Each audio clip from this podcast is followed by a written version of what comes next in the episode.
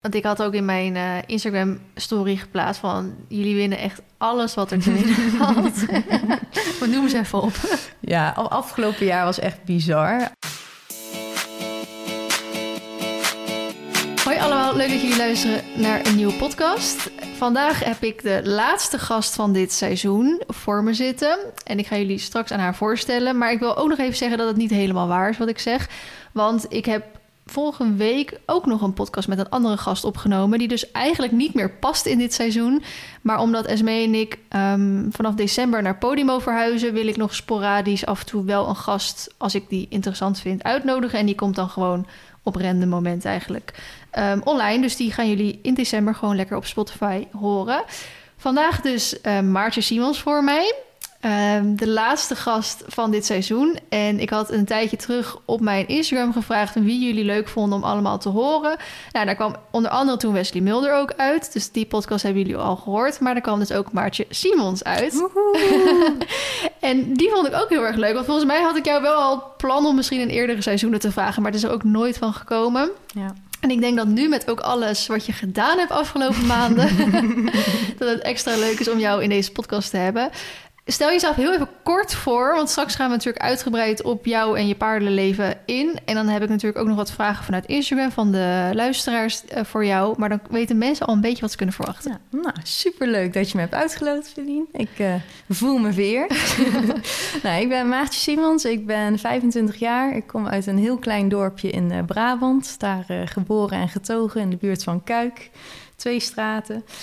Uh, ja, daar woon ik al mijn hele leven. Ik ben, en, uh, ja, ik ben heel actief uh, in de paardensport, vooral in de eventingsport. Ik heb twee hele leuke eigen paarden. Harley, dat is een tienjarige ruin. En Money, dat is een nu, hij is nu vijf en half. En nee, daar beleef ik genoeg avonturen mee, als ik het zo kan zeggen. Ik vind het ook grappig hoe ouder jij wordt, hoe meer je dat Brabantse accent er tussendoor hoort. Oh ja? Ja. het viel mij vroeger nooit zo op. Maar als ik jou dan nu zo hoor praten, dan denk ik, oh ja, ze komt wel echt uit Brabant. Ja. ja, misschien is dat wel vroeger op de basisschool had, had ik dat ook best wel, want ik zat ja, op een basisschool in Brabant. Toen ben ik naar Gelderland gegaan voor de middelbare school. Dus heb ik zes mm. jaar ja, eigenlijk op de middelbare school gezeten, na op de universiteit, uh, ook in Gelderland. En nu sinds drie jaar, tweeënhalf jaar ja, werk ik fulltime. En dat is weer in Brabant. Dus oh, het kan zijn dat ik het weer een beetje aan het uh, oppakken ben. Ja, precies. Hey, hoe ben jij, um, nou ja, waar je vandaan komt heb je gezegd. Je woont nog lekker thuis. Um, ja. Jij, oh, dus jou, jou, jij komt niet echt uit een paardenfamilie, toch? Of... Nee, nee, niet, uh, niet zo'n paardenfamilie waarvan je, wat je vaak hoort eigenlijk, dat, ja, dat kinderen er echt ingegroeid zijn. Mijn vader die heeft eigenlijk nooit iets met paarden gehad. En mijn moeder die heeft in, ja, toen ze jong was en in haar studententijd uh, op de manegepaard gereden. Oh maar uh, ja, die is toen, ik denk toen ze dertig was gestopt met paardrijden of iets eerder. En daarna nooit, nooit een eigen paard gehad of nooit, ja, nooit daarin verder gegaan. En hoe dus ben jij er dan ingekomen? Uh, ja, ik was, ja, dat is wel leuk om te vertellen. Eigenlijk van jongs af aan uh, vond ik paarden en ponies wel super leuk. Dus dat was ook een chatje in het dorp. Die ging ik altijd poetsen. Daar ging ik al een beetje op hobbelen, een beetje op rijden. en toen ik acht was, toen uh, ben ik op de manege begonnen. Nou, eigenlijk wilde ik, wilde ik dat al eerder, maar dat mocht destijds niet, want je moest minimaal acht jaar mhm. zijn. En ja, toen ben ik gewoon één keer in de week op de manege gaan lessen. En ik denk toen we tien of elf waren, mijn zus en ik, die zijn trouwens samen op de manege begonnen. Toen uh, kwamen mijn ouders in één keer met, uh, ja, ik denk uh, misschien is het wel leuk om een gezinspony te hebben. nou, toen zijn we naar een pony gaan kijken voor het hele gezin. Maar ja, één pony is thuis is natuurlijk zielig. Ja, ja. dus er kwam er ook een tweede. Toen... Ja, want jij, jij woont je al heel je leven in dit huis, hè? Maar jullie hebben de paarden aan huis. Was die mogelijkheid er altijd al? Of hebben jullie de stallen en de bak en zo dan later ook nog aangelegd? Ja, ja, ja, we, ja je moet onze tuin zien als... Uh, dat was vroeger... Uh, mijn ouders hebben hem overgekocht van mijn oma. En uh, mijn oma en mijn ja, opa destijds hadden een prachtige mooie siertuin aangemaakt. Dus onze hele tuin was vroeger echt zo'n prachtige siertuin... met allemaal bloemetjes en grasvelden. En mijn ouders hebben daar de bulldozer doorheen gehaald. En die hebben een bak aangelegd en stallen en een mesthoop. Opa en oma draaien zich om in hun graf. Ja. dus uh, ja, dus uh, de tuin die er vroeger was, is nu één grote zandbak. en uh, naast, ons, naast onze tuin hebben we een, hebben een weiland die we van een boer kunnen pachten. Dus dat is wel heel fijn om wat extra ruimte te hebben. Maar vroeger, ja, we hebben eigenlijk alles zelf gecreëerd. Ja, Grappig. En toen kochten jullie dus een gezinspony en dan deden jullie met z'n tweeën daar wat mee? Ja, ja, ja. ja. Ik en mijn zus en mijn moeder die vond het gewoon leuk om uh, mee te kijken. En ja, wij waren toen heel jong. Ik was 11 en mijn zus was 13. Uh, eh, toen ook meteen een hele grote fout gemaakt om ons uh, om, een heel, om een jonge pony te kopen. Dus dat ging al snel, ging dat niet goed. Dus bij deze jongens, als je niet, ja, niet ervaren bent, koop dan geen 3,5-jarige pony. dus uh, ja, op een gegeven moment werd dat gewoon gevaarlijk. En hebben we die verkocht aan iemand die er uh, wel... Uh, ja, het was eigenlijk een hele lieve pony. Alleen ja, wij konden hem gewoon als manegekindjes... denk je dat je de wereld aan kan. Mm. Denk je dat je alles weet. En nu zou dat echt een makkie zijn. Of tien jaar geleden ook al. Alleen dat was gewoon ja, die pony ging uitproberen en dan wil je niet met een elfjarig kindje. Nee. Dus toen is er een andere pony gekomen. Een, gewoon eentje waarvan iedere beginner hem hoort te hebben. Eentje die al 15 was, die al heel veel had gezien. En daarnaast uh, kwam er ook een tweede pony. Uh, die kwam trouwens al vrij snel bij die, uh, an, na die andere. En er was uh, Cortana. En sommigen kennen die misschien nog wel, maar dat zijn... de, de OG-mensen die ja, kennen de, de, ja, de, de, mensen die al heel lang meedraaien. Ja, want niet alleen ik deed uh, paardenmuziekvideo's op YouTube maken... maar Maartje deed dat ook. Ja. nee, en dat is, dat is een hele leuke pony. Die, is, die heb ik elf jaar gehad echt alles mee. Uh, was dat een leuke pony? Dingen ja, E-pony. Ja, dat was een grote E-pony. Ja. 1,56 was die. Andalusiër, toch? Ja, kruising ja. Andalusiër Appaloosa. Ja, echt zo'n mooi dier. Dat ook. Ja. Ik denk, als je ze niet van vroeger vanuit YouTube kent... dan ken je denk wel vanuit Bokt. Want ik denk dat je daar ook wel veel hebt... Ja. Uh, ja, ja, prachtig ding. Nee, dus die uh, elf jaar gehad. En toen was ik 18.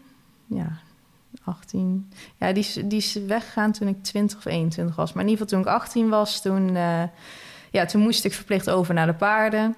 En ik merkte met Cortana toen, uh, ja, mijn vorige pony... Ja, we hadden eigenlijk bij ponies hadden we wel eigenlijk het einde bereikt. We sprongen en we reden zet 1 dressuur. En ja, we hadden eigenlijk gewonnen wat te winnen viel.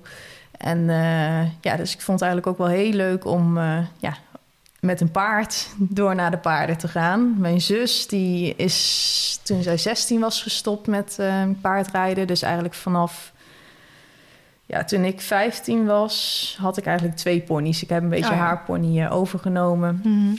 Maar dat was puur een beetje dressuur en uh, niet zo serieus. Ja, want hebben jullie die ponies echt gekocht om dan ook toch wel mee de sport in te gaan? Of is dat als, als recreatie begonnen en geëindigd in de sport? Ja, dat is echt als recreatie ja. oh, begonnen. Zelfs met mij en Marley dan ja. Ja, zo. ja, precies. Want ook toen ik die uh, eerste pony had gekocht... Uh, ik wilde alleen maar buitenritten maken. En, uh, maar mijn ouders vonden dat ik toch ook wel een beetje moest oefenen met rijden. Hmm. Mm. Dus ik moest verplicht één keer per week op dressuurles. en dat vond ik verschrikkelijk.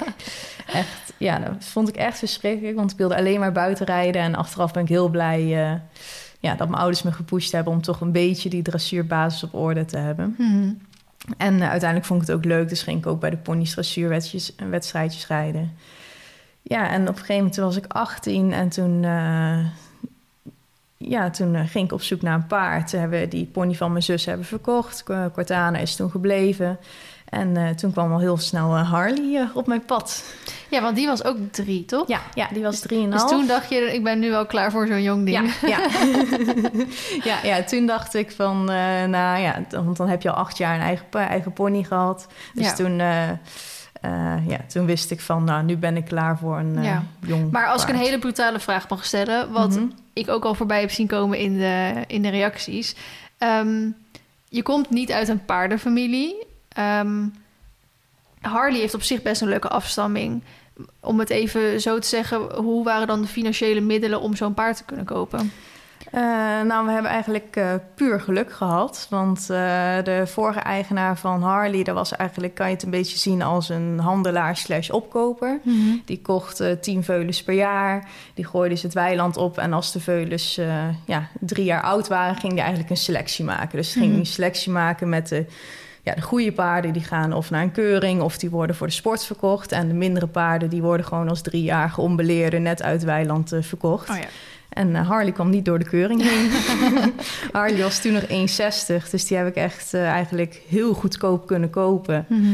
En ja, en dat was wel heel grappig, want ik heb hem toen daarna helemaal zelf inge, ja, ingereden, helemaal zelf beleerd. En een jaar later uh, wilde de eigenaar, uh, grapte die al van dat hij het voor een dubbele wel terug wilde kopen. dus ja, eigenlijk hebben wij toen gewoon, een, en hij is gewoon veel beter gebleken dan wij ooit hadden verwacht. Ja, want ja. ik heb hem alleen een rondje zien draven in de bak en toen was ik al verliefd. Ik heb hem nooit zien vrij springen, ik heb hem nooit... Want Ja. wat is de afstamming voor degene die dat Eh, interesseert? Baltic VDL maal Wittinger VDL. Oh ja. Dus volledig springgefokt. Maar ja, en daarnaast is hij ook nog bij mij nog 4 centimeter gegroeid. Dus het is nog steeds een klein paardje. Maar Mhm. het is niet meer dat net Hele kleine net- paardje. ja, dat hele kleine paardje. Dus ja, da- daarom ben ik ook zo blij met hem. Ik heb gewoon eigenlijk een kans gekregen met een goed, ja, goedkoop normaal paard. Die veel beter was dan iedereen had durven dromen. Ja. En nu zou je daar, weet ik veel, echt tienduizenden euro's voor moeten neerleggen. ja, jij hebt echt niet eens meer die handelaar waar jij hem hebt gekocht... maar je hebt daarna volgens mij ook nog heel veel mensen gehad... die Ja. zeiden, ik wil hem wel voor dit bedrag hebben. ja, ja, ja. Dus, eh, maar hij nee. gaat nooit weg. Of, Nee, in principe niet. eh, nee, nee, hij is echt mijn maatje. En ja, ik heb er nooit over nagedacht, maar wel eens zo van... ja, stel dat iemand, weet ik veel, echt heel veel geld biedt. Wat doe je dan? We hebben het er net bijvoorbeeld over gehad... dat ik ook op zoek ben naar een huisje. Ja, als iemand bij wijze van spreken een half huis biedt... ja. Wat doe je dan? Maar zelfs dan zou ik hem niet verkopen. Want stel al biedt iemand geen idee wat hij waard is. Ik wil het ook echt niet weten. Eh, juist expres daarom. Maar stel iemand biedt een halve ton of wat dan ook. Dan, ja, dan heb ik een halve ton op mijn bankrekening. Maar geen Harley. Maar, maar geen Harley. Ja. En Ik vind dat spannend, waar komt je paard dan terecht? Ja. Snap je? ja, Ik heb liever nog, ik hoop dat Marley en hopelijk Natje ook, die blijven hier ook voor altijd. Maar mochten ze weg moeten, dan geef ik ze nog bij wijze van gratis lief weg aan een huis Ja. waarvan ik 100% weet dat het helemaal goed gaat. Dan dat je er heel veel geld voor krijgt en dat je dan, ja, maar moet hopen dat hij het goed Ja. heeft. ja, ja en, en het klinkt heel egoïstisch. Maar ik, ja, ik, ik, ik, ik gun... Ja, ik gun Harley bij eigenlijk niemand anders. Gewoon, ik vind het zo'n leuk, geweldig paard. We hebben zoveel samen bereikt dat ik denk Ja. van... Ja, ik zou spontaan kei jaloers worden als iemand anders... Want er rijdt ook nooit iemand anders Nee. op hem. Bijvoorbeeld een, een, een Manny is ook een geweldig paard. Echt zo'n clown, ja, daar komen we dadelijk wel bij. Maar daar zou ik zo iemand op laten wegrijden. Maar Harley, ja, is van Harley mij. niet. Harley niet. Die is van mij. Nee, dus om terug te komen op je vraag. We hebben gewoon echt stom geluk gehad. Hij is gewoon zoveel beter gebleken dan iedereen had durven verwachten. En daar ben ik juist heel blij mee, want anders hadden wij hem nooit kunnen kopen. Ja, maar denk je dat het alleen is eh, vanuit hoe die gefokt is? Ik denk jouw training zal er ook bij, eh, bij geholpen hebben. Ja, dat denk ik ook. Want het is altijd toch samen een team. En eh, dus het is beide. Vanaf begin af aan bijvoorbeeld heb ik altijd al heel veel schriktraining met hem gedaan. Dus zij vindt ook bijna niks eng meer. En ja, je groeit er samen echt naartoe. Want Hardy die is heel, ja, wat is dat? Heeft eigenlijk een heel klein hartje. Dus als, eh, al- als jij erop gaat zitten en je rijdt op een hindernis af waarvan jij denkt van oeh, dat vind ik spannend, Mhm. dan stopt hij. Hmm. Dus je moet, ja, je moet elkaar echt vertrouwen geven. En dat hebben wij ook dus een keer een klein dipje gehad... waarin we dat elkaar niet konden geven. Ja, en dan stopt hij. Ja, Ja. terecht. Ja. Groot gelijk heeft hij. dus ja je, moet, ja, je moet het echt samen doen. ja, mooi. Nou, we gaan er zo nog even op verder. Eh, je hebt dus eh, Harley gekocht als driejarige of tweeënhalfjarige? Eh drieënhalf zelf. Hij Oké, heeft drieënhalf jaar op de wei gelopen. Oh, lekker. Ja. Ehm, Cortana, die verkocht je vlak daarna, denk ik dan. Ja, twee jaar later. Ja. En toen kwam Money, of kwam Money eerst?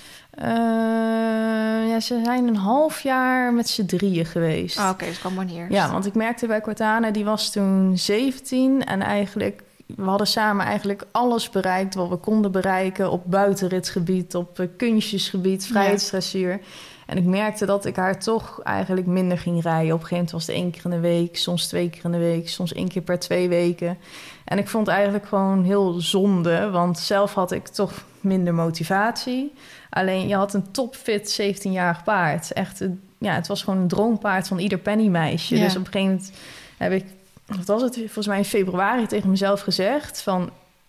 Ja, ik wil haar misschien gaan verkopen, maar ik doe het pas in september. Dus echt een half jaar later. En als ik Mhm. op een half jaar nog steeds hetzelfde denk... dan heb ik het goed overdacht. En ja, ja, dus haar op een gegeven moment echt met een heel uitgebreid berichtje op Facebook gezet. En ja, heel blij dat ik het heb gedaan. Want binnen één dag hadden we twintig potentiële mensen die echt wilden komen kijken. Ja. Dus ik heb gewoon echt een selectie gedaan voor mensen die mochten komen kijken met uh, nou, 24-7 buiten. Ik kon gewoon alle eisen stellen die ik wilde. En uiteindelijk ook uh, vier mensen komen kijken. Alle vier wilden haar. En toen heb ik gewoon echt een uh, selectie. dus was gewoon echt een luxe probleem. Ja, en daar, want ze is recent overleden volgens mij, toch? Ja, ze is, uh, ja het is wel een heel te, triest verhaal. Maar uh, helaas hebben de oude eigenaar, de nieuwe eigenaar, niet heel lang van haar kunnen genieten. Want ze is vrij snel, uh, het is twee jaar daarna blind geworden. Dus dat was wel heel oh, zielig. Jeetje. dus dat was wel, Ja. was wel sneu. Heel sneu inderdaad. Maar goed, die tijd heeft ze in ieder geval goed gehad. Ja, zeker. Ja, is echt top. eh. En die andere pony, die hadden jullie verkocht natuurlijk toen. Eh, nog Ja. voor eh, daarvoor. Ehm, en toen kwam Marnie. Ja, ja. Want ja, Harley kon niet alleen staan Nee, Har- natuurlijk. Harley kon niet alleen staan. En eh, eigenlijk, ik had al ooit een keer een balletje laten rollen van... Oh, een veulentje lijkt me wel heel gaaf om gewoon zo, ja, een paardje te, te zien groeien vanaf nul. Harley Mhm. had ik dan ook alles geleerd vanaf, de- vanaf drie. Maar ik had ja, nooit een veulen gehad of iets. Dus, eh, en via via kwamen we eigenlijk bij Manny terecht. Eh, en eh, ja, je had me eigenlijk bij ieder veulen kunnen zetten en ik had hem gekocht. Dus of de Manny was of een ander veulentje. Ik, zag, ik zag gewoon zo'n jong hoofdje. En. Dus je had verder ook niet eventueel gekeken naar afstamming of wat je ermee wilde? Of... Ehm, ja, ik wilde wel een springveulen, want ik ben Mhm. wel van mening... als je die eventing in wil, dressuur, dat valt nog te trainen. Alleen als een paard echt niet kan springen. Het zijn altijd uitzonderingen, Mhm. maar als die echt niet kan springen... dan Wordt wel lastig. wordt het wel lastig. Dus Manny was wel 100% springgefokt. En eh, de- dat was eigenlijk het enige waar ik naar keek. En eh, zelf ja, voel ik me ook echt maar een hobbyist. Eh, ik kan echt niet... Ik kan als een volwassen paard leuk lopen, kan ik het zien. Maar een veulentje vind ik ieder Ja, veulentje ja. leuk lopen. Dus eh, Ja, en zo'n veulen kan je natuurlijk ook niet keuren. nee. Dat is ook wel... Dat, mij lijkt een veulen fantastisch, maar ik zou het dan nooit doen omdat ik hem niet kan keuren. Ja. Maar ik, had, er- ik heb natuurlijk iets negatiefs meegemaakt eh, dat, daar, ten opzichte daarvan. En jij dan niet. Dus dan snap ik het idee ook wel weer. Ja. Maar oké, dus toen nou, een paar jaar verder. Marley, of Marley. ja, dan krijg je als je Harley en Money hebt. dan ehm eh, Money wordt ouder. Die ga je Ja. op een gegeven moment inrijden. Heb je ook Ja. zelf gedaan. Dat was ook bizar.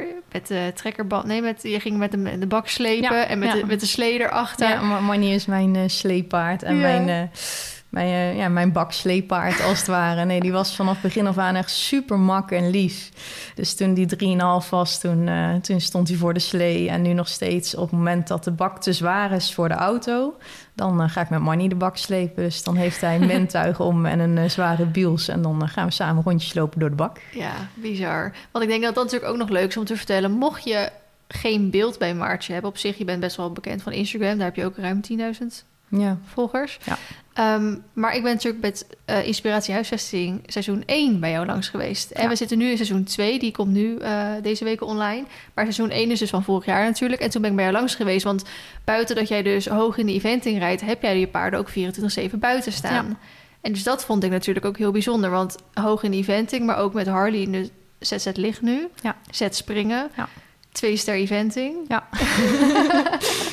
en dan toch lekker de paarden 24-7 Ja. buiten. En hoe bevalt dat dan? Wat is jouw mening daarop? Ja, echt geweldig. Gewoon, ik, ik, ik zeg altijd een paard moet paard kunnen zijn. En als je die twee samen ziet dollen... ja, tuurlijk denk ik dan heel vaak van... oh, help.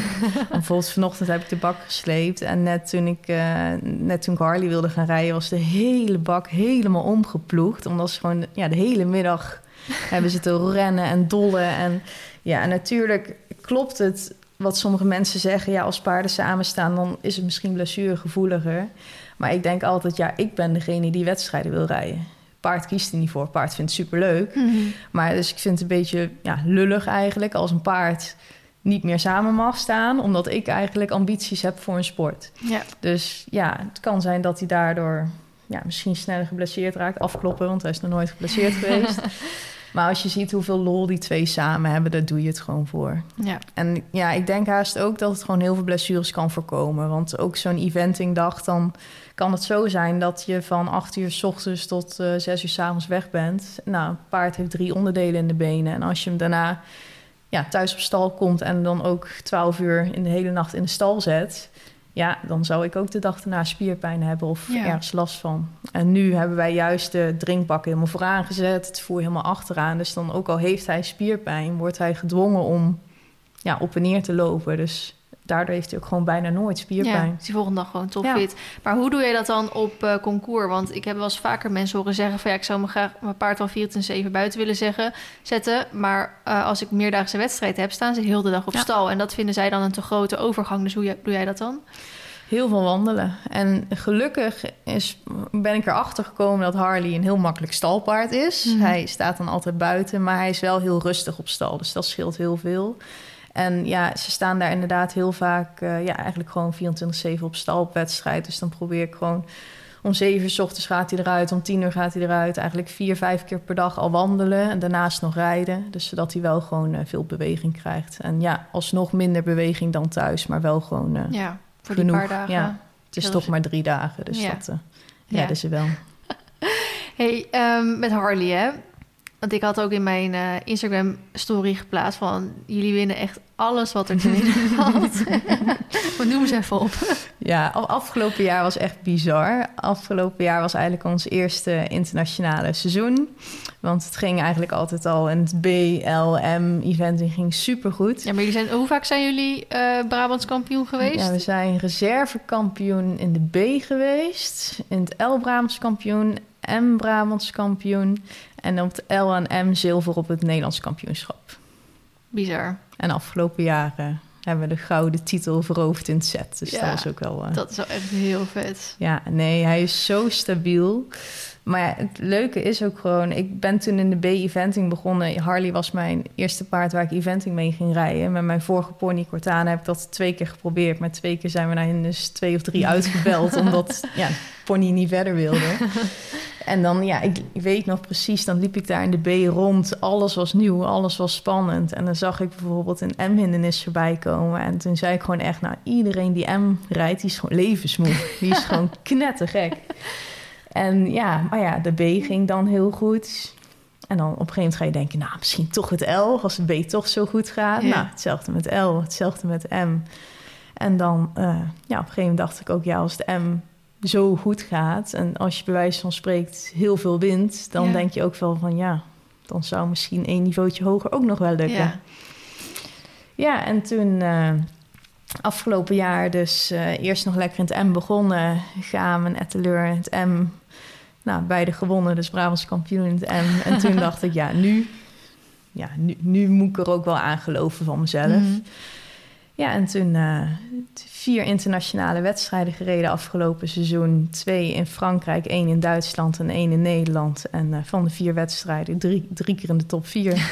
en eentje gewonnen. Het is toch bizar dit, hè? En ja, en in augustus dacht ik ook, nou, een Nederlands kampioenschap in het set ga ik ook meerijden. Want ja, hoe fun is het om een Nederlands kampioenschap mee te rijden? En toen wonnen we.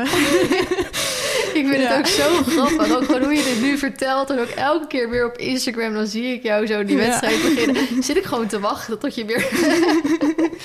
Ja, nee, dat is echt, echt bizar. We hebben dan ook in coronatijd, anderhalf jaar geleden, ook wel even een flink dipje gehad. Toen hadden we al een jaar M gereden en toen ging ik set starten. En eh, ja, de eerste keer ging het goed, maar de tweede keer eh, stopte Harley. En blijkbaar was dat voor een hindernis waar ik altijd al een beetje bij mezelf merkte van... vind ik spannend, trakeners, vind ik nog steeds Ja, ja. verschrikkelijke hindernissen. Ja. Alleen in een B, L en M, dan, eh, ja, dan, dan ging je daar gewoon op af. En dan dacht je dat... Ik vind het doodeng, maar ik doe het wel. Mhm. En toen deed Harley het ook. Alleen in het set ja, zijn hindernissen toch groter. En toen merkte ik van ja, hij kan het niet in zijn eentje. Dus toen, ging die, ja, toen, toen stopte die even. Terecht. Want ja, op zo'n niveau moet je het gewoon samen doen. En als de een twijfelt, ja, dan moet je het gewoon niet doen. Dus toen hebben we echt een flinke stap terug gedaan. Zijn we zelfs een keer LHC gestart.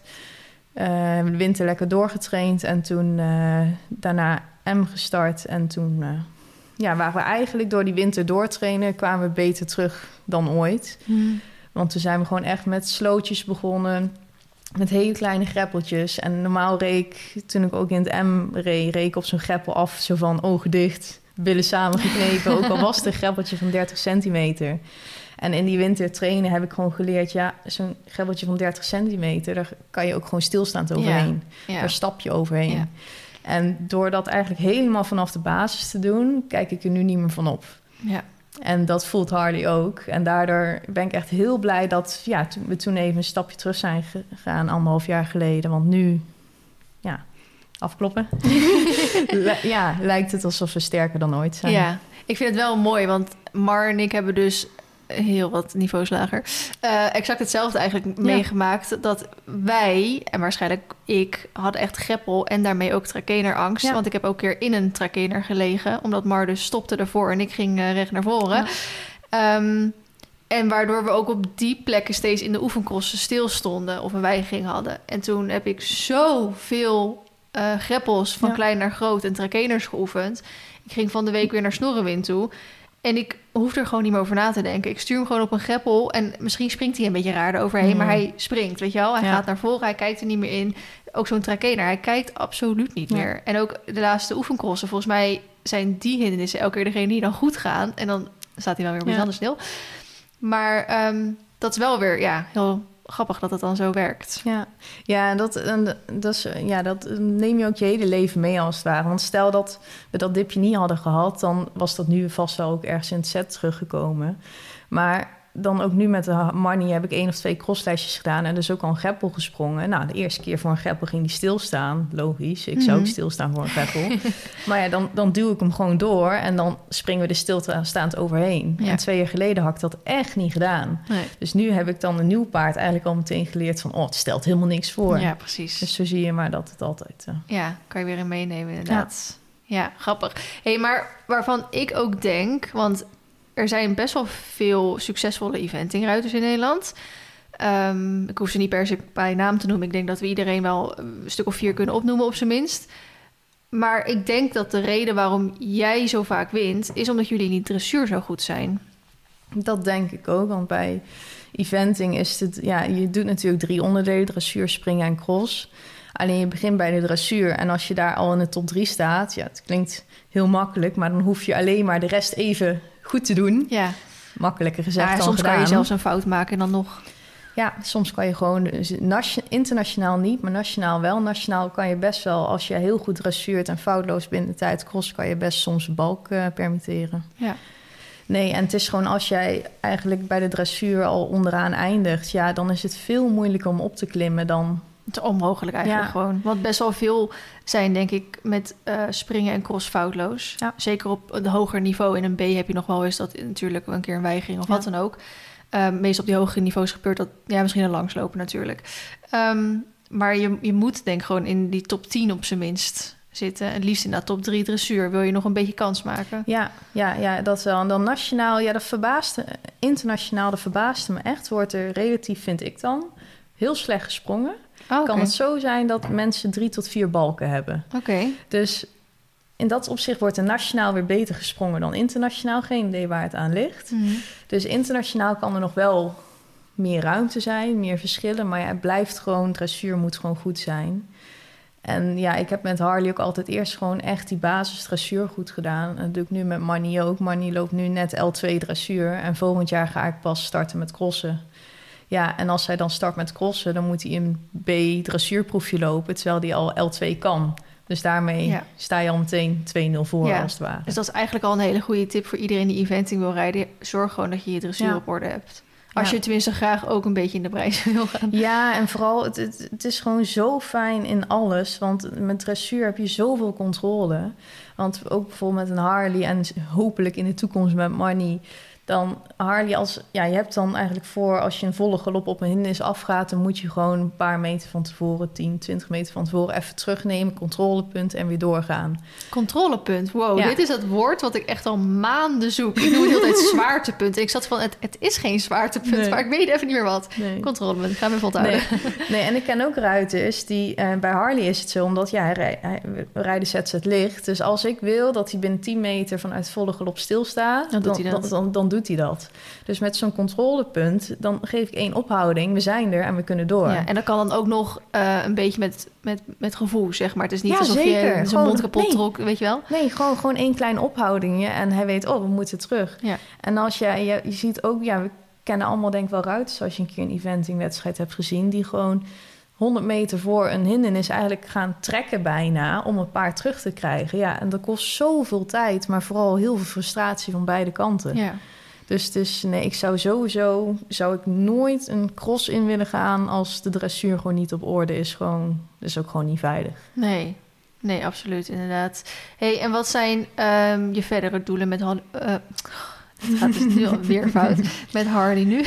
Ja, ja, ja dat is een beetje een dilemma. Want ik weet het eigenlijk niet. ja, het is, het is echt... Ja, ik wil niet op schepperig doen, maar het is bijna echt een luxe probleem. Want dit was dan ons eerste jaar internationaal, eh, twee ster. Ja, ik heb net al gezegd hoe goed het is gegaan. Maar eigenlijk heb ik tegen mezelf altijd gezegd... ja, ik wil niet snel gaan, ik hoef niet snel te gaan. Mm. Dus enerzijds zou ik zeggen, nou volgend jaar lekker nog een heel jaar twee ster. Want ja, voor, we doen het voor niemand. We hoeven aan niemand verantwoording af te leggen om snel omhoog te gaan. Mm. Anderzijds denk je ook weer van, ja, als het afgelopen jaar zo goed is gegaan... en nu heb je waarschijnlijk de enige keer in mijn leven... heb je een paard waarmee je hoger kan... Mm. wat maakt het dat je het niet gewoon probeert? Ja. En een extra dingetje is ook volgend jaar is er een, ehm, eh, bijvoorbeeld een Europees kampioenschap op drie ster niveau. Mhm. EK landelijke ruiters of Eu- European Cup eh, wordt het wel genoemd. En dan denk ik zo van ja, hoe gaaf zal het zijn om daar naartoe te gaan? Moet- En wat moet je ervoor doen om daar te komen? dan moet je eerst eigenlijk daarvoor heb je een paar observatiewedstrijden. Dus je moet eigenlijk je al bewezen hebben in de drie ster. Oké. Dus je moet zeg maar al twee drie ster wedstrijden van tevoren hebben gereden. Mhm. Dus ik weet überhaupt niet of we ons kunnen kwalificeren. Misschien gaat de drie ster weer heel- helemaal niet goed en is dat ons einde. Je weet het niet. Mhm. Maar dan denk je wel van, enerzijds, als je nu een paard hebt waarmee het zo goed gaat, wat maakt het dat, dat je het niet wil proberen? Of, ja. Ja. dus dat is een beetje. En hij is nog jong genoeg om als je zie- merkt dat het nog niet gaat, om dan weer even een stapje terug Ja. te doen. Wat je zei, weer even misschien, nou, L is misschien overdreven, maar dat je weer even terug gaat M zet Ja. op ster.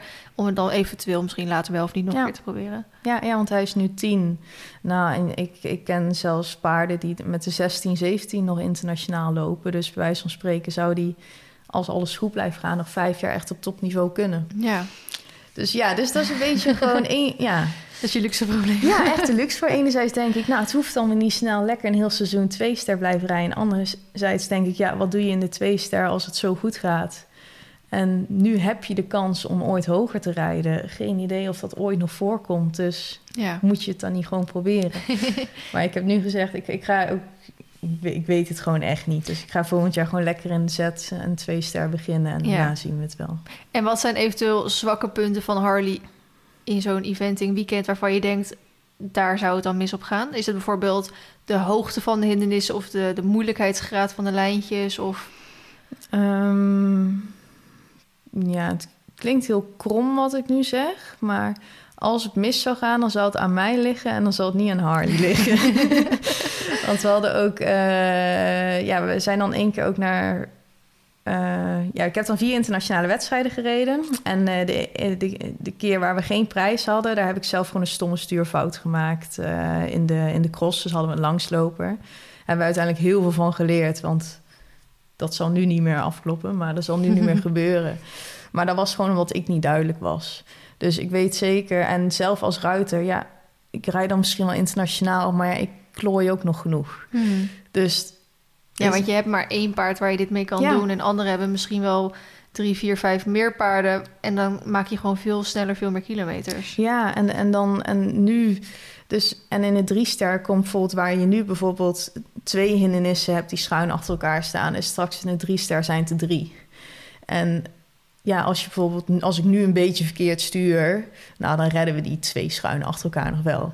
Maar als ik iets niet goed doe, ja, dan kan ik niet van Harley verwachten dat hij dat alleen maar oplost. Ja. Dus in de drie ster is straks alles en hoger en breder en een stuk technischer. Dus dan moet je gewoon zo op elkaar ingespeeld zijn en zo duidelijk. Want je hebt bijvoorbeeld ook, ja, dat zie je op, op zo'n EK bij Michael Jong zie je dat heel goed, een enorme afsprong.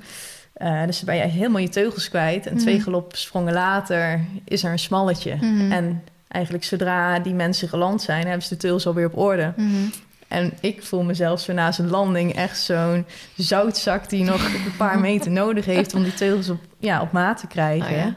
Dus dat zijn, zijn echt vooral, ik denk de hoogte, breedte en technische zouden wel aankunnen, maar het is echt het meters maken. De handigheid echt- van jou inderdaad. ja, ja, vooral de handigheid van mij en dat dan weer overbrengen Ja. op het paard. Ja, en hoe ziet dan zo'n eh, weekend eruit? Want ik ben natuurlijk nog nooit op een meerdaagse wedstrijd geweest. Denk heel veel luisteraars ook niet. Dus neem ons even mee in Jip en Janneke taal. Ehm, wat kan je van zo'n weekend verwachten? Maar ook financieel gezien, want het kost volgens mij best wel veel geld om zo'n... Dus hoe doen jullie dat ook? Qua ook overnachtingen en... Ja, ja je, je kan er in principe voor kiezen. Sommige mensen die eh, boeken een overnachting, een chaletje of iets in de buurt. Alleen ik vind het altijd wel heel fijn om wel echt bij je paard te zijn. Dus eh, ik doe het altijd met mijn moeder. We gaan altijd moeder-dochter weekendje noemen we het op een internationale wedstrijd. En eh, ja, je pakt gewoon heel veel spullen in. De meeste mensen, want er zijn denk ik 80% wat daar is, is een vrachtwagen met een luxe living cabine.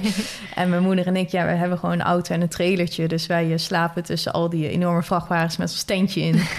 en eh, ja, dus je komt eruit, je laat je paard uit. Je moet hem eerst door de dierenarts laten keuren. Dus je controleert het paspoort. Eh, op en neer draven en dan zet je hem op stal. Verzorg je paard helemaal. En dan, eh, dan ja, ga je je eigen tent opzetten, bij wijze van spreken. En dan eh, op de eerste dag is meestal dressuur, de tweede dag het springen en de derde dag de cross. En je zou eigenlijk zeggen, nou, je, ja, je hebt echt je verveeltje tussendoor, maar dat is totaal niet het geval. Want ja, heel veel mensen hebben ook een groom. Ja, heb ik niet. Ik ben, ik ben mijn eigen groom. en eh, dus ja, sowieso vijf, zes keer per dag ben ik al met Harley aan het wandelen.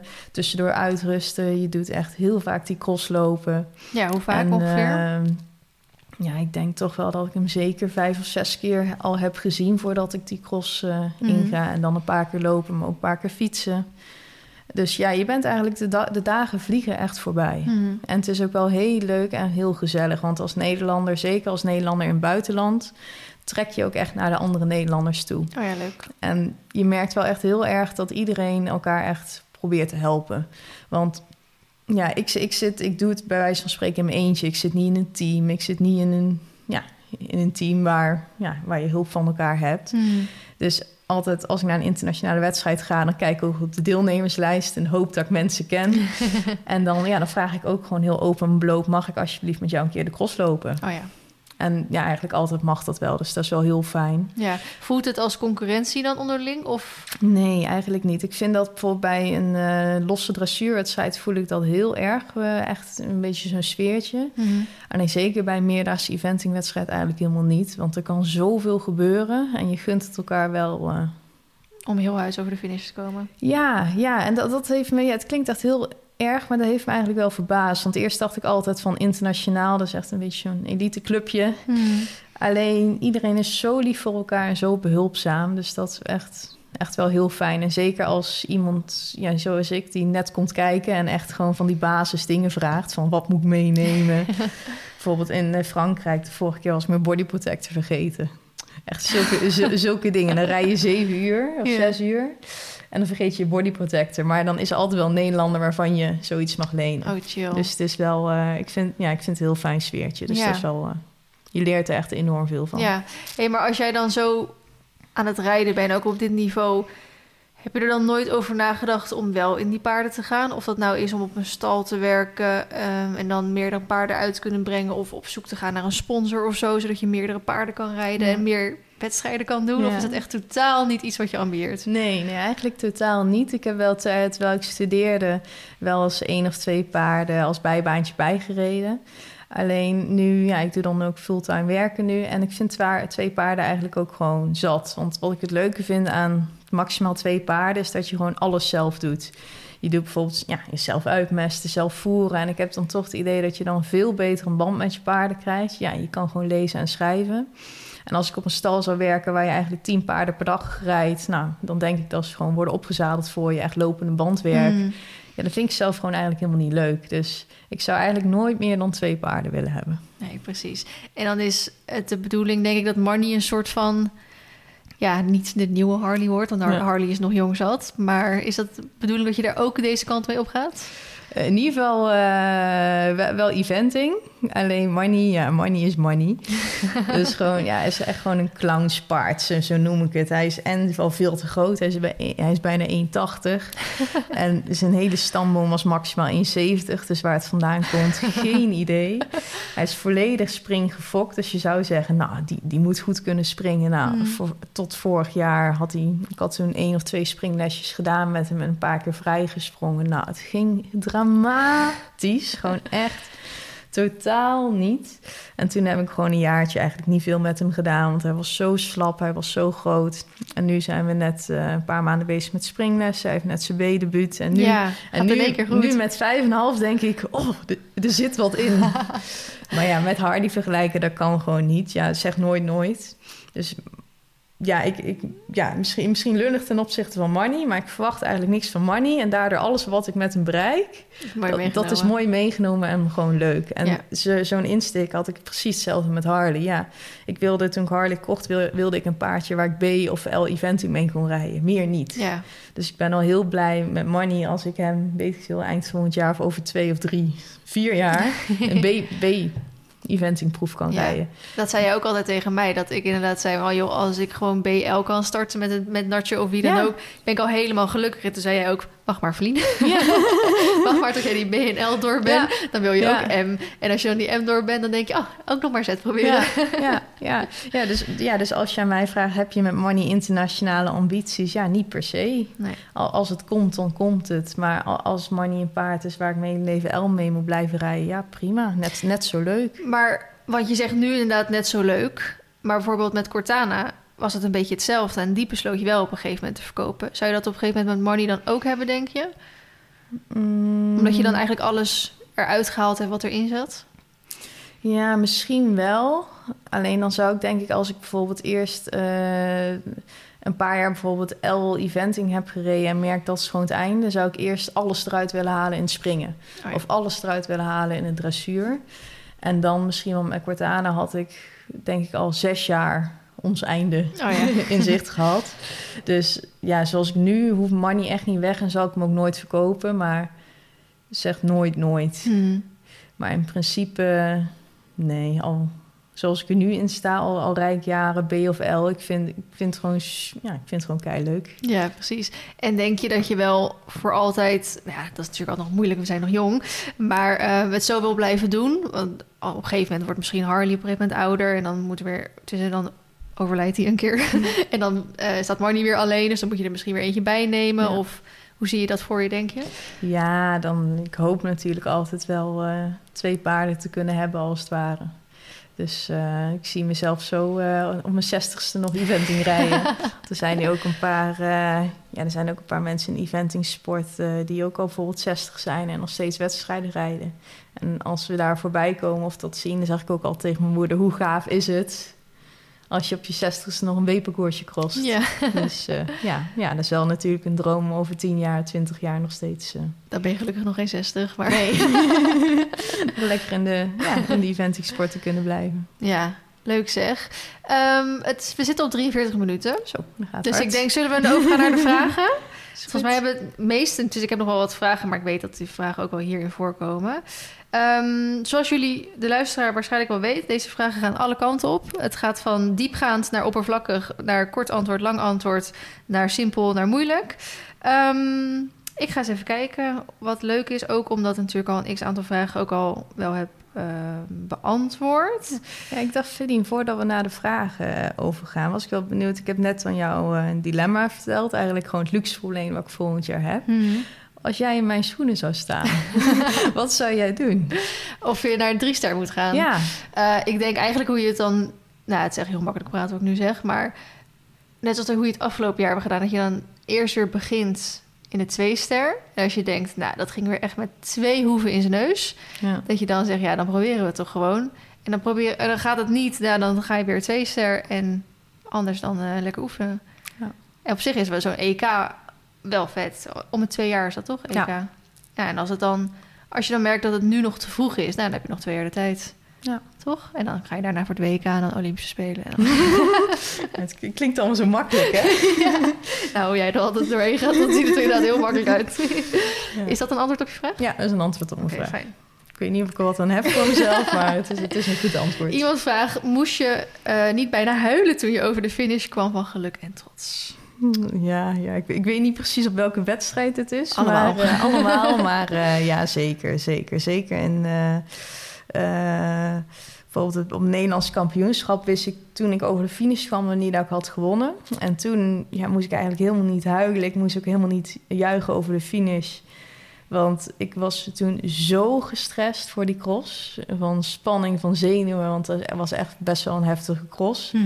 Dat ik over de finish kwam en eigenlijk eerst vijf minuten moest bijkomen. Van, we hebben het gewoon gedaan. Voordat ik kon juichen of dansen of wat dan ook. Mhm. En alleen toen in Frankrijk, ehm, ja, begin oktober, een maandje terug. Toen stond ik na de dressuur 1, na het springen 2. En toen was ik ook heel zenuwachtig. Maar ik wist gewoon, als ik foutloos binnen de tijd rijd... dan hebben we gewoon een internationale wedstrijd gewonnen. Mhm. Ja, dus toen moest ik echt... Volgens mij heb ik letterlijk gehuild toen ik over de finish kwam. want je wist gewoon van, Ja, dit gaat waarschijnlijk nooit meer gebeuren. nee, precies, mooi. Eh, dit vond ik ook wel een mooie vraag. Hoe ziet jouw ideale paardenwereld eruit? Ik denk niet per se op jouzelf gericht, maar gewoon in Nederland. Oeh, wat een diepe vraag. ja, ideale paardenwereld. Ja. Ja, waarin paarden toch lekker paard kunnen zijn. Waarin iedereen elkaar alles gunt. eh, eh, want ik merk toch wel in de basissport, met name in dressuur... dat er toch wel wat verandering plaatsvindt. Want ik rijd dan bijvoorbeeld ZZ licht. En helemaal, helemaal geen commentaar naar mensen, maar ook... Ik ben volgens mij bijna de enige die zonder oortjes of zonder instructeur losrijdt. En dan denk ik, Op het jongens, ZZ Licht? ja. Ja. Maar ook al bijna vanaf het set zie je het ook echt steeds meer. En dan denk Mhm. je wel, jongens, het is, het is een spelletje. Het is, het is voor de fun. Het hoeft niet allemaal zo. Hmm. Gewoon. Ja, dat zien, heel veel mensen zien dat anders volgens mij. ja. ja, ja, ja. Nee, het is ideale paardenwereld waar iedereen elkaar gewoon alles gunt, waar iedereen elkaar helpt. En ja, dat, dat het niet erg is als een keer iets misgaat. Want ik denk dat dat ook de juiste instelling is. Heel veel mensen zijn gewoon heel gefrustreerd als het een keer misgaat. Tuurlijk, als het bij mij misgaat, zou ik ook heel gefrustreerd zijn. Mhm. Maar blijf er niet in hangen. Ga gewoon rustig een niveautje terug en kijk Ja, zie het allemaal gewoon als een bolletje en kijk hoe ver je komt en niet gewoon doelen stellen van ik moet daar volgend jaar Ja. zijn. ik moest gelijk denken aan toen ik dus eh vorige maand mijn zetwinstpunt haalde. Toen ehm, was ik dus echt, ik had het ook totaal niet verwacht. Ik had ook gezegd, ga voor een oefenrondje gewoon even kijken waar we staan en zo. En toen zag ik dus in één keer dat we 2.14 en een half volgens mij hadden gereden. Dus toen ik dat zo staan, toen was ik gelijk... Ik heb echt Ja. door die kantine geschreeuwd. Gewoon, oh mijn god, ik heb winst gereden. En ik had Remke en Aisha bij me. En die zaten ook echt gelijk helemaal... Weet je wel? En dus, maar er zaten allemaal mensen nog in die kantine. Dus die moesten natuurlijk zo omkijken van wat gebeurt daar. En nou, ik was helemaal niet aan het opletten. Dus Remke die vertelde laatst, later aan mij van ja... Iemand maakte dus een opmerking en die zei van... nou, de een is dus zo blij met één winstpunt... en de ander die is gewoon boos met één winstpunt. Ja. Dus waarschijnlijk was er iemand voor mij geweest... die ook één winst had gereden... en Ja. die was er dus niet tevreden mee geweest. Ja. En tuurlijk, misschien als je een bepaald eh, paard onder je hebt... en je hebt een bepaald gevoel bij je proef... dat je echt denkt, nou, we hebben echt wel twee of misschien wel drie winstpunten gereden... kan dat een beetje tegenvallen. Ja. Maar eh, Nee, maar precies dat. Zie het gewoon als een leuke leerles. Je eigen doel, je eigen gevoel is het belangrijkste. En ja, kijk waar het schip strandt. ja, mooi hè. Hey, we hebben het eigenlijk helemaal niet gehad over de studie die je doet... en over je werk. Ja, ik heb eh, eerst in Nijmegen het VWO gedaan. En toen ben ik naar de Radboud Universiteit eh, gegaan. Daar heb ik bedrijfskunde gestudeerd.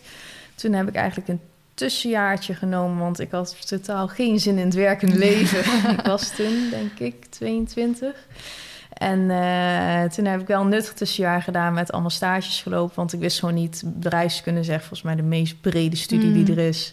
Dus, en je hebt echt zeven vervolgmasters. Nou, na een jaar eh, stage te hebben gelopen op verschillende plekken... kwam ik erachter van, nou, de ja, HRM-kant, dat interesseert me toch wel. Dus ja, ik heb de toen- Human Resource, Ja, human Manage- resource. Management. Ja, precies. dat is toch gewoon eigenlijk... Dit, dit, ik bedoel ik niet oneerbiedig... maar een, een chic woord voor personeelsmanagement, toch? Ja. Of, Ja, ja, gewoon Ja, per dat- personeelsmanager. Ja, dat, dat de luisteraar weet waar we het over hebben. Ja, ja, ja, ja, dat is gewoon personeelsmanager. Eén één doet de Engelse term. Geen idee waarom, maar het is gewoon personeel, personeelszaken. Ja, precies. En eh, dus daar master in gedaan en toen 2,5 jaar geleden afgestudeerd. En eh, toen kreeg ik een baan aangeboden bij de plek waar ik stage had gelopen. Dus eh, nu eh 2,5 jaar werk ik fulltime. en dat is eh, 36 uur Ja.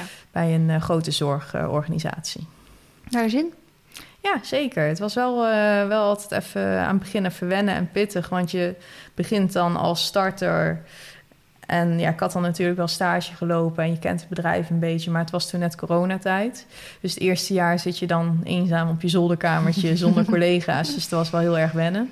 Maar het, uh, voor nu uh, bevalt het prima. Ja, en dan is natuurlijk de volgende vraag gelijk. Hoe heb jij je studies en nu ook je werk uh, gecombineerd met de paarden en zeker met de sport dan? Ja.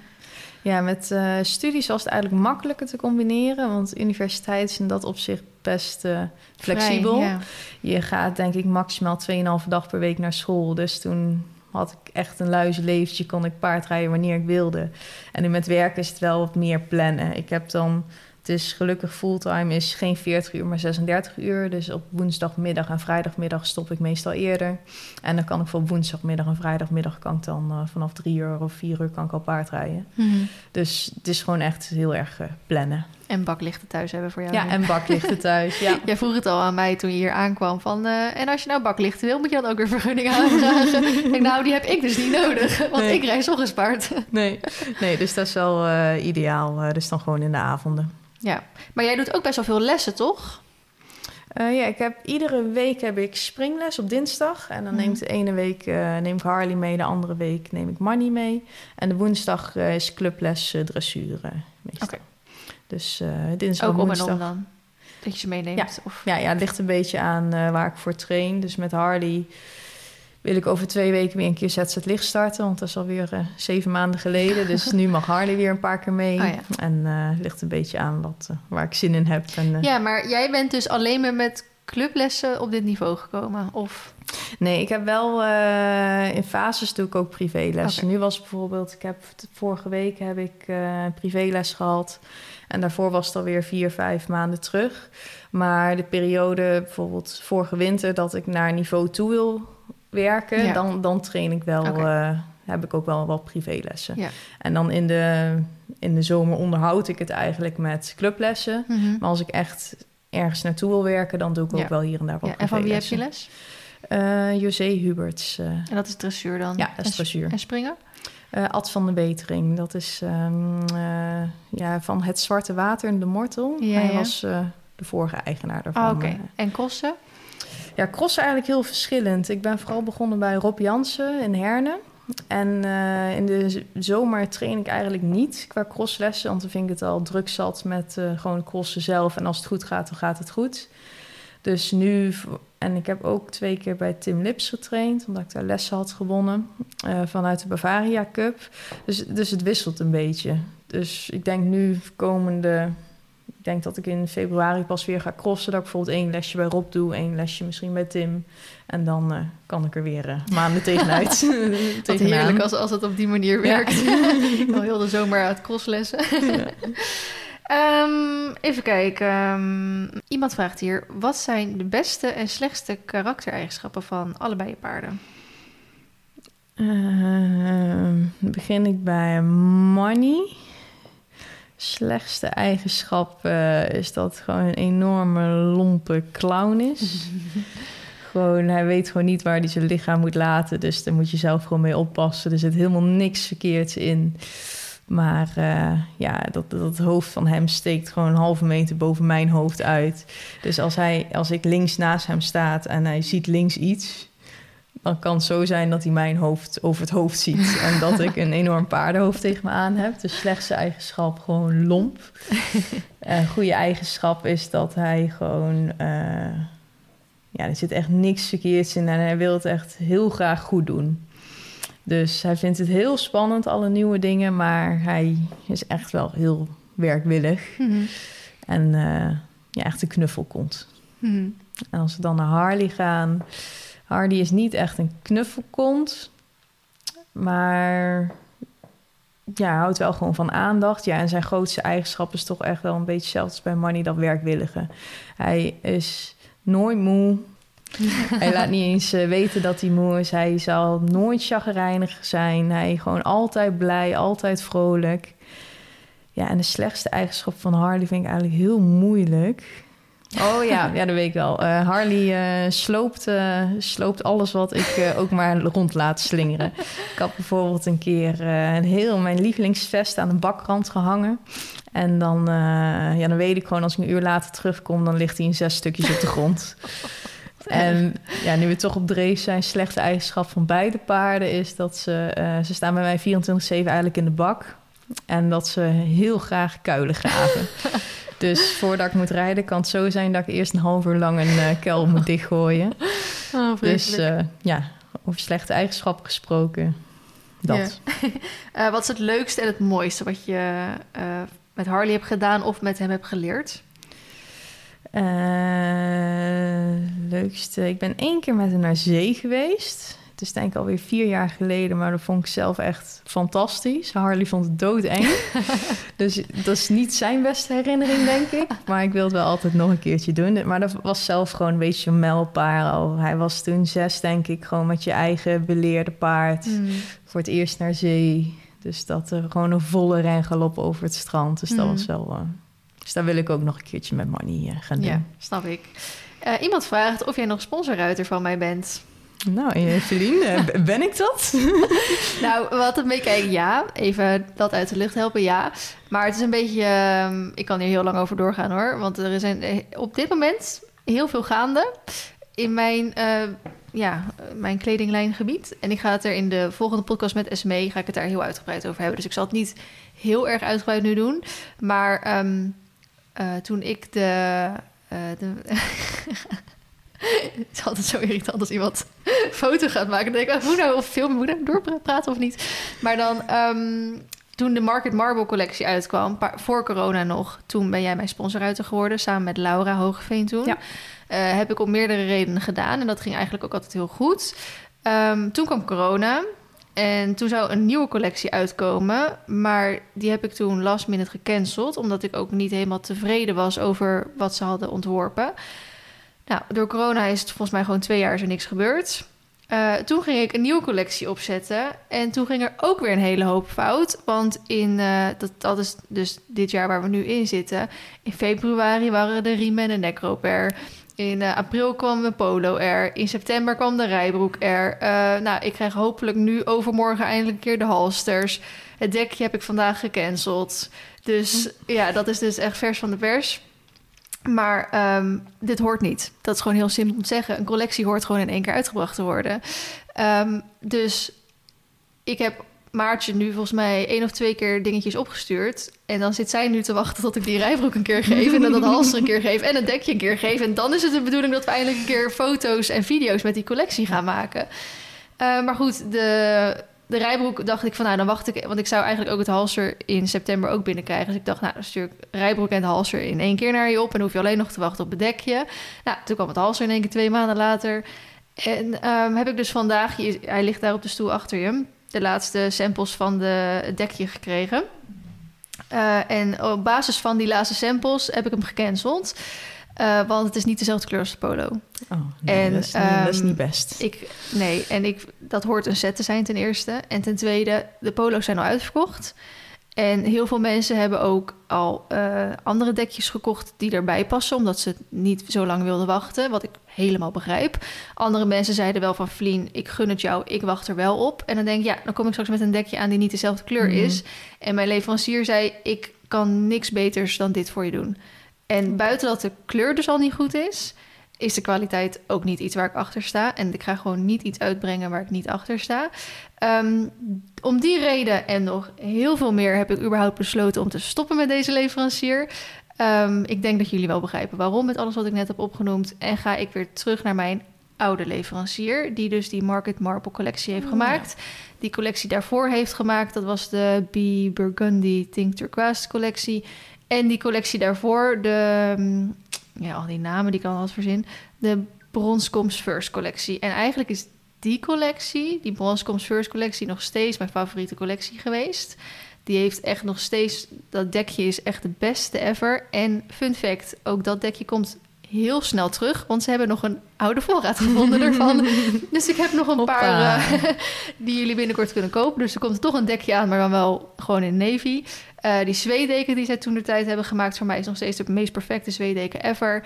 En ehm, we hebben het gewoon goed over gehad. De fouten die zij toen de tijd hebben gemaakt. Ze hebben ook een hele reorganisatie gehad. Dus er is ook een hoop bij hun verbeterd. En we gaan nu samen weer in zee. Ik heb het contract nog niet getekend, maar bij deze. Ehm, alleen dat betekent dus wel dat er weer opnieuw een hoop tijd overheen gaat. En ik, ik heb gezegd, of ik stop er nu mee, ben er helemaal klaar mee.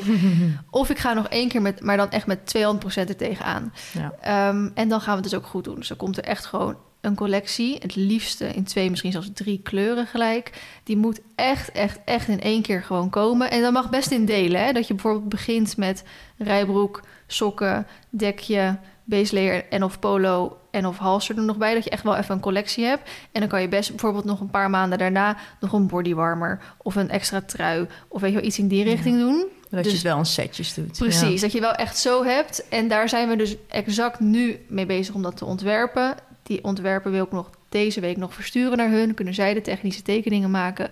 En eh, je moet even nagaan, als zij nu de technische tekeningen straks hebben... dat gaat er ook weer wat tijd overheen. Dan gaan zij samples maken.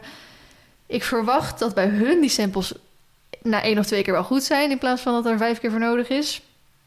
En ehm, aan de hand daarvan, als ik dan die goedkeuring geef...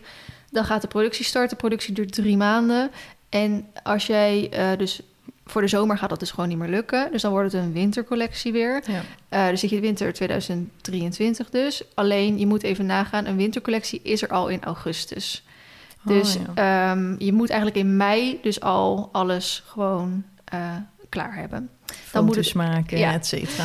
Dus dan, ehm, daar gaan we nu gewoon vol gas voor. Wat ik zeg, ik ga, het, ik ga er of mee kappen of ik ga er voor 200% door. Nou, we gaan nu nog even één keer 200%. En als het dan gewoon nog steeds niet lukt, heb ik het drie keer geprobeerd. En dan, je bent zo afhankelijk van leveranciers gewoon. Eh, als het dan nog steeds niet lukt, dan trek ik echt de stekker eruit. Maar nu gaan we nog even kijken, oké, het, het moet eigenlijk gewoon lukken. Ehm, maar dat gaat een hoop geld kosten, want een hoop investeringen moeten er gedaan worden. Dus ook dat is natuurlijk nog altijd even waar je rekening mee moet houden. Uh, Ja. dus ik zou heel graag in ieder geval Maartje nog steeds als sponsorruiter willen hebben.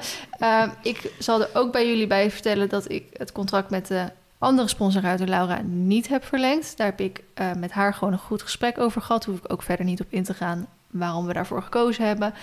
Um, maar er gaat wel tegen die tijd, ga ik dan weer op zoek naar een andere sponsorruiter. Maar ga alsjeblieft nu geen berichten sturen dat je je daar zelf alvast voor aanmeldt. Want dat is echt pas volgend jaar. Um, dus dat eigenlijk. Ja, ik ben... Ik, ik wil zeggen, ik ben heel tevreden over Maartje als sponsorruiter... maar ik heb haar maar één keer een collectie kunnen geven. Dus heel veel meetresultaten hebben we niet. En ook voor jou natuurlijk. Ah, ik ben al drie, vier jaar sponsorruiter voor Vlienen... maar ik heb maar één keer Ja. iets gekregen. Ja, om terug te komen op de vraag. Dus mensen, ik ben, ik ben, ik ben niet eruit gekikt of zo. Er, er was gewoon niks om te promoten. Nee, precies. Maar jij draagt nog steeds. Uh, gebruik je alles? Ja, ja vooral die, uh, die, die rijbroek, uh, die grijze rijbroek. Echt Ja. dagelijks. Echt, ik vind dat zo'n fijne broek. Ja, en Die de halster zie ik ook veel voorbij komen. Halster ook, eh, want, eh, want ik, ik, ik heb er toen zelfs twee, want eentje had een drukfout. Dus eh, allebei gebruik ik ze nog steeds. Dus echt heel blij mee. Dus, Ja. Nou, dat was dus inderdaad bij, bij die leverancier toen, dat kan ik best nu zeggen. Dat durfde ik dus toen nooit te zeggen, want ik dacht, ja, alles moet nog verkocht worden. Ik kan nu niet zeggen wat er allemaal fout aan was. Ehm, jij had dus een halster waar dan het Vliene Fauve logo op stond, maar die Ja. stond er gespiegeld of Ja. ondersteboven of zo op. Echt heel random. ja. Ehm, was bij een, eh, een, een dekje van, nou, een paar keer daarvoor, dus niet jouw collectie, maar een paar daarvoor, was in een hele andere kleur dan dat die oorspronkelijk moest zijn. Maar dat kan ik niet zeggen. Nee. Want dan denkt iedereen, oh, dit dekje is niet zoals Vlien het bedacht had. Ja. Nee, ja, dat dekje moet gewoon verkocht worden. Ja, dus dat kon ik nooit zeggen. Eh, er was bij een rijbroek, die heb jij ook niet, was er een logo op de kontzak gestikt. Maar die was Mhm. door de zak heen gestikt. Dus je kon die zak niet meer gebruiken. Oh, dus dat ja. sloeg ook nergens op. Eh waren allemaal van dat soort... waren volgens mij een hoodie die ik een keer had laten komen. En dan waren ze die buidelzak vergeten erop te zetten. Nou, Ja. die kon gelukkig dan nog terug. Om dat er nog eventjes op te zetten. Ehm, en volgens mij met iets anders. Ik weet dan niet, was het ook die hoodie? Er was ook een badge, zat er op de linkerarm. En die was eigenlijk ook gewoon goed. En toen had ik er eentje aan Esmee gegeven. En toen was die badge ook in één keer gespiegeld of zo. Dat je Oh. echt denkt, hoe krijg je dit voor elkaar? Hoezo? Dit, dit, kan ook niet even een productiefout zijn. Kijk, dat die scheef erop gaat, dat kan een productiefout zijn. Maar dat die gewoon gespiegeld Ja, is, dat, dat, is heel eh, apart. Dus daar waren gewoon een paar van dat soort dingen gebeurd. Eh, maar wat ik zeg, eh, dat gaat nu voorkomen worden. Dus daar ben ik blij mee. Nou, Ehm, ik ben heel benieuwd. eh, ja. Ik zal je straks het idee vertellen. Goed. Dat laat ik voor de luisteraar nog heel even geheim. Maar wellicht ga ik het straks... Nou, misschien in de volgende... Ik denk dat ik in de volgende podcast dus met Esme er iets dieper op inga. Ik ben er alsnog vrij... Ben al tien minuten hierover aan het praten. Maar maakt niet uit. Ehm, wat ik interessant vind, om weer even terug naar jou te gaan... en wat ook een hoop mensen hier vroegen... is hoe ziet een, eh, ja, een trainingsweek of eigenlijk al... Eigenlijk alles. Niet alleen een trainingsweek week in, eh, in, in eh, wedstrijdseizoen van Harley eruit... maar eigenlijk ook, hoe ziet eigenlijk überhaupt het jaar eruit? Want eh, eventing is alleen in het outdoorseizoen... dus hoe train je daar dan Ja. wel of niet al naartoe in de winter? Wanneer begin je met, ja. met galoptrainingen en zo? Ja, nee, in, in maart begint het seizoen meestal. En eigenlijk in B en L deed ik nooit iets van galoptrainingen. Dat heb ik pas vanaf de MNZ gedaan. En dan zeker in, denk halverwege februari, eh, halverwege januari, dus anderhalve maand van tevoren, pak ik de galoptrainingen weer op. En dat doe je gewoon tijdens een buitenrit. Ja, dat doe ik gewoon tijdens een buitenrit in de buurt eh, op 10 minuten stappen. Eh, ik woon langs de Maas. Heb je een weiland, denk ik, van twee kilometer lang. Dus dat is echt ideaal. Kan je gewoon op en neer galopperen. En eerst deed ik het altijd een beetje op gevoel. En sinds vorig jaar heb ik nu ook een hartslagmeter gekocht. Ik moet zeggen, het is nog steeds een beetje op gevoel. Ik doe het gewoon met wat trainingsschema's op internet. Maar eh, als ik echt ja, hoger wil, dan is het denk ik wel goed om een keer met een eh, professional te gaan praten. Maar eh Harley heeft altijd topconditie, dus ja, voor nu is het voldoende. Dus anderhalve maand voor het seizoen begin ik dan met, ja, met galoptrainingen. Ehm, en dan in het seizoen zelf eh, doe ik ook galoptrainingen. Alleen wel in de, ja, ongeveer eens in de vijf dagen, zeggen ze altijd eens in de vier dagen. Ja, dat red ik niet altijd. Ik hou het op eens in de vijf dagen. Een galoptraining. En, eh, maar dan wel in de weken dat je geen wedstrijd hebt. Dus het is niet en-en. Je moet het een beetje zien als een galoptraining staat qua intensiteit gelijk aan een crosswedstrijd. Dus ja, daar speel ik altijd een beetje mee. En verder, je hebt mensen die... Ja, het is echt per paard heel afhankelijk. Sommige paarden zeggen mensen... nou, die moeten echt zes keer in de week lopen... want daar worden ze soepel van. Bij Harley is het ook midden in het seizoen... train ik hem denk ik maximaal vier keer in de week. En dan doe ik meestal één keer galoptraining... één keer springen... Nou, vaak ook maar één keer dressuur... en een keer longeren. Dus eigenlijk helemaal niet zo heel vaak. En dan ligt het een beetje aan de week. Want bijvoorbeeld één keer in de vijf dagen. Soms heeft hij dan twee galoptrainingen, et cetera. Maar dat is voor Harley gewoon voldoende. Harley wordt er niet blij van als hij drie keer in de week moet dressuren. Want Mm. dat merk ik nu al. Nu ben ik een beetje aan het optrainen voor eh, het zet het licht. Maar eh, ja, daar wordt Harley niet blij van. Maar en, en train je dan echt tussendoor? Of is het gewoon even onderhoud? Ehm, nu in de winter eh, ben ik hem echt aan het trainen. Mhm. En in de zomer is het echt eh, met dressuuronderhoud. Want ik heb dan in april bijvoorbeeld ZZ licht gestart. En sinds april tot drie weken terug heb ik nooit meer een wissel gereden. Omdat ja, in de eventing internationale proef moet je juist een stuk contra galop. En ik ben Harley denkt altijd heel erg mee, wat ook een valkuil is. Dus ik heb toen bewust gewoon een half jaar lang geen enkele wissel gereden, omdat ik bang was dat ja, het dan mis zou gaan in de proef. Dus in dat opzicht verwaarloos je dan een half jaar alle wissels. En dan duurt het ook weer even een paar weken voordat je de mooie dressuurwissel erop hebt. Want een springwissel, dat, eh, daar wordt de jury niet blij van. Dus dat ja. lijkt me dus lastig, want in het springen is een wissel eerst eh, achter dan voor. Dus dat wordt vaak gedaan. En in het dressuur is natuurlijk... Moet ik ja, niet goed zeggen? Gelijk. Ja, je, ja, ja. Nou, wow, even error. Maar in, de, in het springen is het misschien eerst voor... Nee, eerst voor dan achter. En dan de dressuur is is het eerst achter dan voor. Ja, en dressuur is in ieder geval gelijk. Ja, echt heel slecht. Ik, ik zou het niet weten. Ik weet Je weet hoe het eruit ja, ziet. ik, ik weet hoe het voelt als het Ja. goed is. Ik weet al, al- ja, Ja. Ik, ik, ik voel of het goed is of niet goed. En in het Ja. springen, ja, kan ook zo zijn dat hij voorwisselt en pas later uh, ja, achter. precies. Ja, Meestal is dat uh, wat er gebeurt ja, inderdaad. Voor, voor, springen maakt mij dat helemaal niks nee. uit. Alleen ja, dressuur wordt de jury daar niet blij van. Nee, precies. Dus ja, dus dat is eigenlijk gewoon de zomer. Ongeveer vier keer in de week, soms vijf keer in de week trainen. En nu hebben we dan begin oktober de laatste crosswedstrijd gehad. En dan stop ik ook per direct met galoptrainingen. Want ja, als het niet nodig is, is het niet nodig. Mhm. Dus nu hebben we wat meer ruimte. Dus nu rijd ik hem drie, vier keer in de week. Nu meestal één keer longeren, twee keer dressuren, één keer springen. Dus uh, dan één, ja, in plaats van de galoptraining doe ik nu dan dressuurtraining als Ja. het ware. En hoe ziet zo'n springtraining voor jullie er dan uit? Want ik denk niet dat je elke springtraining eh 1,40 meter gaat springen. Nee, je begint eigenlijk meestal eh, met in-uitjes, een lijntje. Eh, Dus dat is een beetje voor de souplesse. En daarna een parcoursje van 80 centimeter. Parcoursje van... Nee, je springt ongeveer drie parcoursjes in een springles. En je begint dan op BB en dan L en dan M. En dan inderdaad de ene week spring je wel een zet rondje... en de andere week niet. eh. Oké. Dus eh, ja, dat eh, wissel je zo een beetje af. Ja, precies. Hoe ga je met tegenslagen om? Als je geen ja, hier staat als je geen stijgende lijn hebt of veel lage punten, maar ik weet niet wat echt voor jou geldt. Ja, tegenslagen. Ja, de grootste tegenslag die we hebben gehad was een anderhalf jaar geleden echt een dipje. Waarvan ik dacht, eh, ja, toen, toen reden we net set. En op een gegeven moment sloten we de, het seizoen af met eh, ja, dat we in het M niet eens rondkwamen. En ja, dat was wel een flinke tegenslag. Want ja, alle scenario's gingen in mijn hoofd voorbij van kan niet meer, lukt niet meer, het is verpest. Hmm. Maar dan zou ik eigenlijk als tip willen geven, en wat ik toen ook heb gedaan, ga gewoon desnoods twee niveaus omlaag. En denk niet na één of twee wedstrijden die zo goed zijn gegaan, oh, we zijn er weer. Ik ben toen een heel seizoen in de M gebleven. Ook een paar wedstrijden gewonnen waarvan je denkt van, oh, misschien had je achteraf weer omhoog kunnen gaan. Mhm. Nee, gewoon echt basis erop. Zes keer bevestiging zoeken dat het weer goed is. En daarna pas, eh, ja, dus tegenslagen. Ja, tegenslagen ja, zijn gewoon heel rot. Ja, ja kan er niks anders van zeggen. Is gewoon heel stom. Maar vooral, eh, ja, blijft er niet te lang in hangen. Iedereen, over, ja, het overkomt iedereen. Zeker als je met dieren werkt. Ja. ja. Hey, we hebben het er net al heel kort over gehad, maar ik ben benieuwd of je er nog een extra tip aan toe kan vo- voegen. eh, voor als je heel druk bent met school, eh, maar je ook graag op hoog niveau wil rijden. Plannen, plannen, plannen. Dat willen ze niet eh, horen.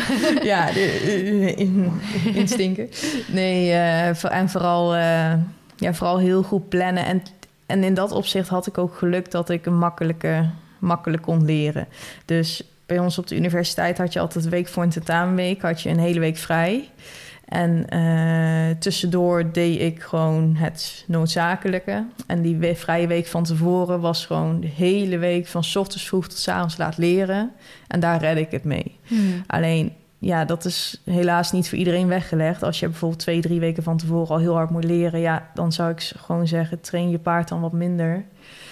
Het paard verdient soms ook een vakantie. Afgelopen zomer ben ik ook drie weken weg geweest. En dan heeft, he- hebben Harley en Manny ook gewoon drie weken volledig vrij. Dus dan zou ik gewoon zeggen: in de tentamenweken of de keren dat je echt moet leren, dan ja, geef je paard gewoon wat meer vrij en pak het daarna weer op. Ja, goeie inderdaad. Ehm, hoe ga je om met jaloersheid in de sport? Ehm, ja. ja, zelf ben ik altijd eigenlijk echt een open boek en niet snel jaloers. En ja, natuurlijk heb je mensen waarvan je hoort, oh, die zeggen achter je rug om dit. Of oh, achter je rug om dat. Maar zelf probeer ik er niet te, niet te lang bij stil te staan en denken, ja, je, je kent elkaar niet eens. Hmm. Je weet niet wat iemand heeft meegemaakt, et cetera, et cetera. Dus ja, jaloersheid heb ik echt een hekel aan, om het eigenlijk te zeggen. Maar ja, het hoort er soms helaas bij. Hoe voelt het om tussen de profs te rijden? Word je daar raar aangekeken? Mm, nee, niet raar aangekeken, maar je moet wel met meer dingen rekening houden. Want ja, zoals ik al zei, wij slapen dan met een tentje tussen eigenlijk alle enorme vrachtwagens. En dat was toen in Duitsland. Toen eh, liepen wij naar het secretariaat om te vragen, oh, waar zijn hier de douches? En toen keek ze me heel raar aan en zeiden, ja, douches, die heb je in de vrachtwagen. En wij, dus, wij zeiden zo, ja, maar we hebben geen vrachtwagen, we hebben een tent. En Ja. toen hadden ze op het hele terrein hadden ze één douche voor, ik denk, 400 deelnemers. Omdat ze er gewoon vanuit gingen dat, ja, Oh. iedereen is met een vrachtwagen, Ja. iedereen heeft een douche. Dus ja, je, wat was de vraag ook weer precies? Dat ik mijn beantwoord. Hoe voelt het om tussen de profs te rijden? Word je daar raar aangekeken? Nee, je wordt niet raar aangekeken. En het voelt juist heel gaaf. Het voelt juist, zeker als je dan hoog eindigt, van dit heb ik even, hebben we even samen, even geflikt. Tussen alle, alle profs die bijvoorbeeld tussen tien paarden uit kunnen kiezen en hun beste paard meenemen. Ik heb, Mhm. ja, bij wijze van spreken één paard en ik moet daarmee doen. En dan Ja. flikken we toch maar mooi samen. Ja. Dus ja, ik, ik rijd bij wijze van spreken veel liever als hobbyist tussen de profs dan als prof tussen de profs. Hmm. Denk ik. Gewoon het idee. En je, je hoeft je niet te verantwoorden. Al- Als, als ik een slechte wedstrijd rijd, dan is er gelukkig geen eigenaar die achter Oh, me ja. aanloopt van hey, eh, Pas op, verkopen. pas op. ja. Precies. Eh, wat is de eh, mooiste wedstrijd? Of tenminste, wat vind jij... En dan bedoel ik niet qua resultaat wat je behaald hebt... maar qua ja, cross echt zelf. Dus het terrein of... vriendelijkst of juist uitdagendst of... eh, Mm, ja, afgelopen oktober was ik dus naar Frankrijk geweest en dan had je echt heel veel heuvels. En dat was eigenlijk wel heel erg leuk, want in Nederland ben je eigenlijk geen enkele heuvel gewend. hmm. Dus dat was wel even wennen en dat was wel super leuk. En in Nederland zelf, want ja, dit was überhaupt mijn eerste internationale seizoen. Ik ben drie keer in het buitenland geweest. Mhm. Daarvoor jarenlang nationaal. Ja, heb je heel veel van die hele leuke wedstrijden. Bijvoorbeeld Maarsbergen. Ik weet niet of jij er ooit bent Ik geweest. ben er nog nooit geweest. Ja, iedereen kent de naam. Ja, ik dat is bijvoorbeeld op zo'n landgoed en dat is met zo'n kasteeltje en dat is gewoon zo mooi. Dus eigenlijk nationaal heb je bijna even mooie... Het is in het buitenland echt niet per se mooier. Het is soms wel, maar Maar dan gaat het dus nu meer om de omgeving. Maar Ja. als je echt naar de cross zelf kijkt, denk ik. eh, de cross zelf... Want je hoort wel eens van, oh, daar is het echt vreselijk, want daar bouwen ze zo kut. Of eh, daar is het juist weer heel erg vriendelijk gebouwd, Ja. zeg maar wat. Ja, nee, daar, daar merk je wel echt een verschil. Want ik weet nu wel door de jaren heen. eh, ik had bijvoorbeeld mijn M-debuut in Markelo Potdijk, volgens mij in ieder geval op die motocrossbaan. En toen ik dat tegen iedereen zei van, oh, Markelo M-debuut, zei iedereen van, daar. dus ja, je leert wel of dan bijvoorbeeld Renswoude. Renswoude is altijd heel pittig. Ja, ik denk dat ik ben soort van opgegroeid met Renswoude. En ik denk, zonder eh, negatief over Renswoude te doen, dat dat Marley een beetje verpest heeft. Omdat als ik met hem door een boscross hier in de buurt ga, dan springt hij foutloos tot bijna foutloos. En bij Renswoude hadden we altijd minimaal drie stops. En Ja. ook heel, heel, heel veel gevallen daar zo. Omdat hij dan in één keer omdraait. Ja. En daarom denk ik echt, want hij stopte nooit vroeger. Ja. En daar is hij gaan stoppen. Ik denk gewoon dat dat voor hem echt... eh, want daar, je hebt daar ook wel boomstammen... maar je hebt daar meer aparte hindernissen. Ja. En ook heel technisch en hoog en Ja. massief en zo. Dat hij daar een beetje... ja, dat dat hem een beetje verpest Ja. heeft. Ja, en dan als je bijvoorbeeld naar een niveau hoger wil, dan vind ik het supergoed dat die crossen er zijn. Want als Mhm. jij bijvoorbeeld een L-cross en Renswoude foutloos uitrijdt, dan weet je gewoon dat je naar het M kan. Ja.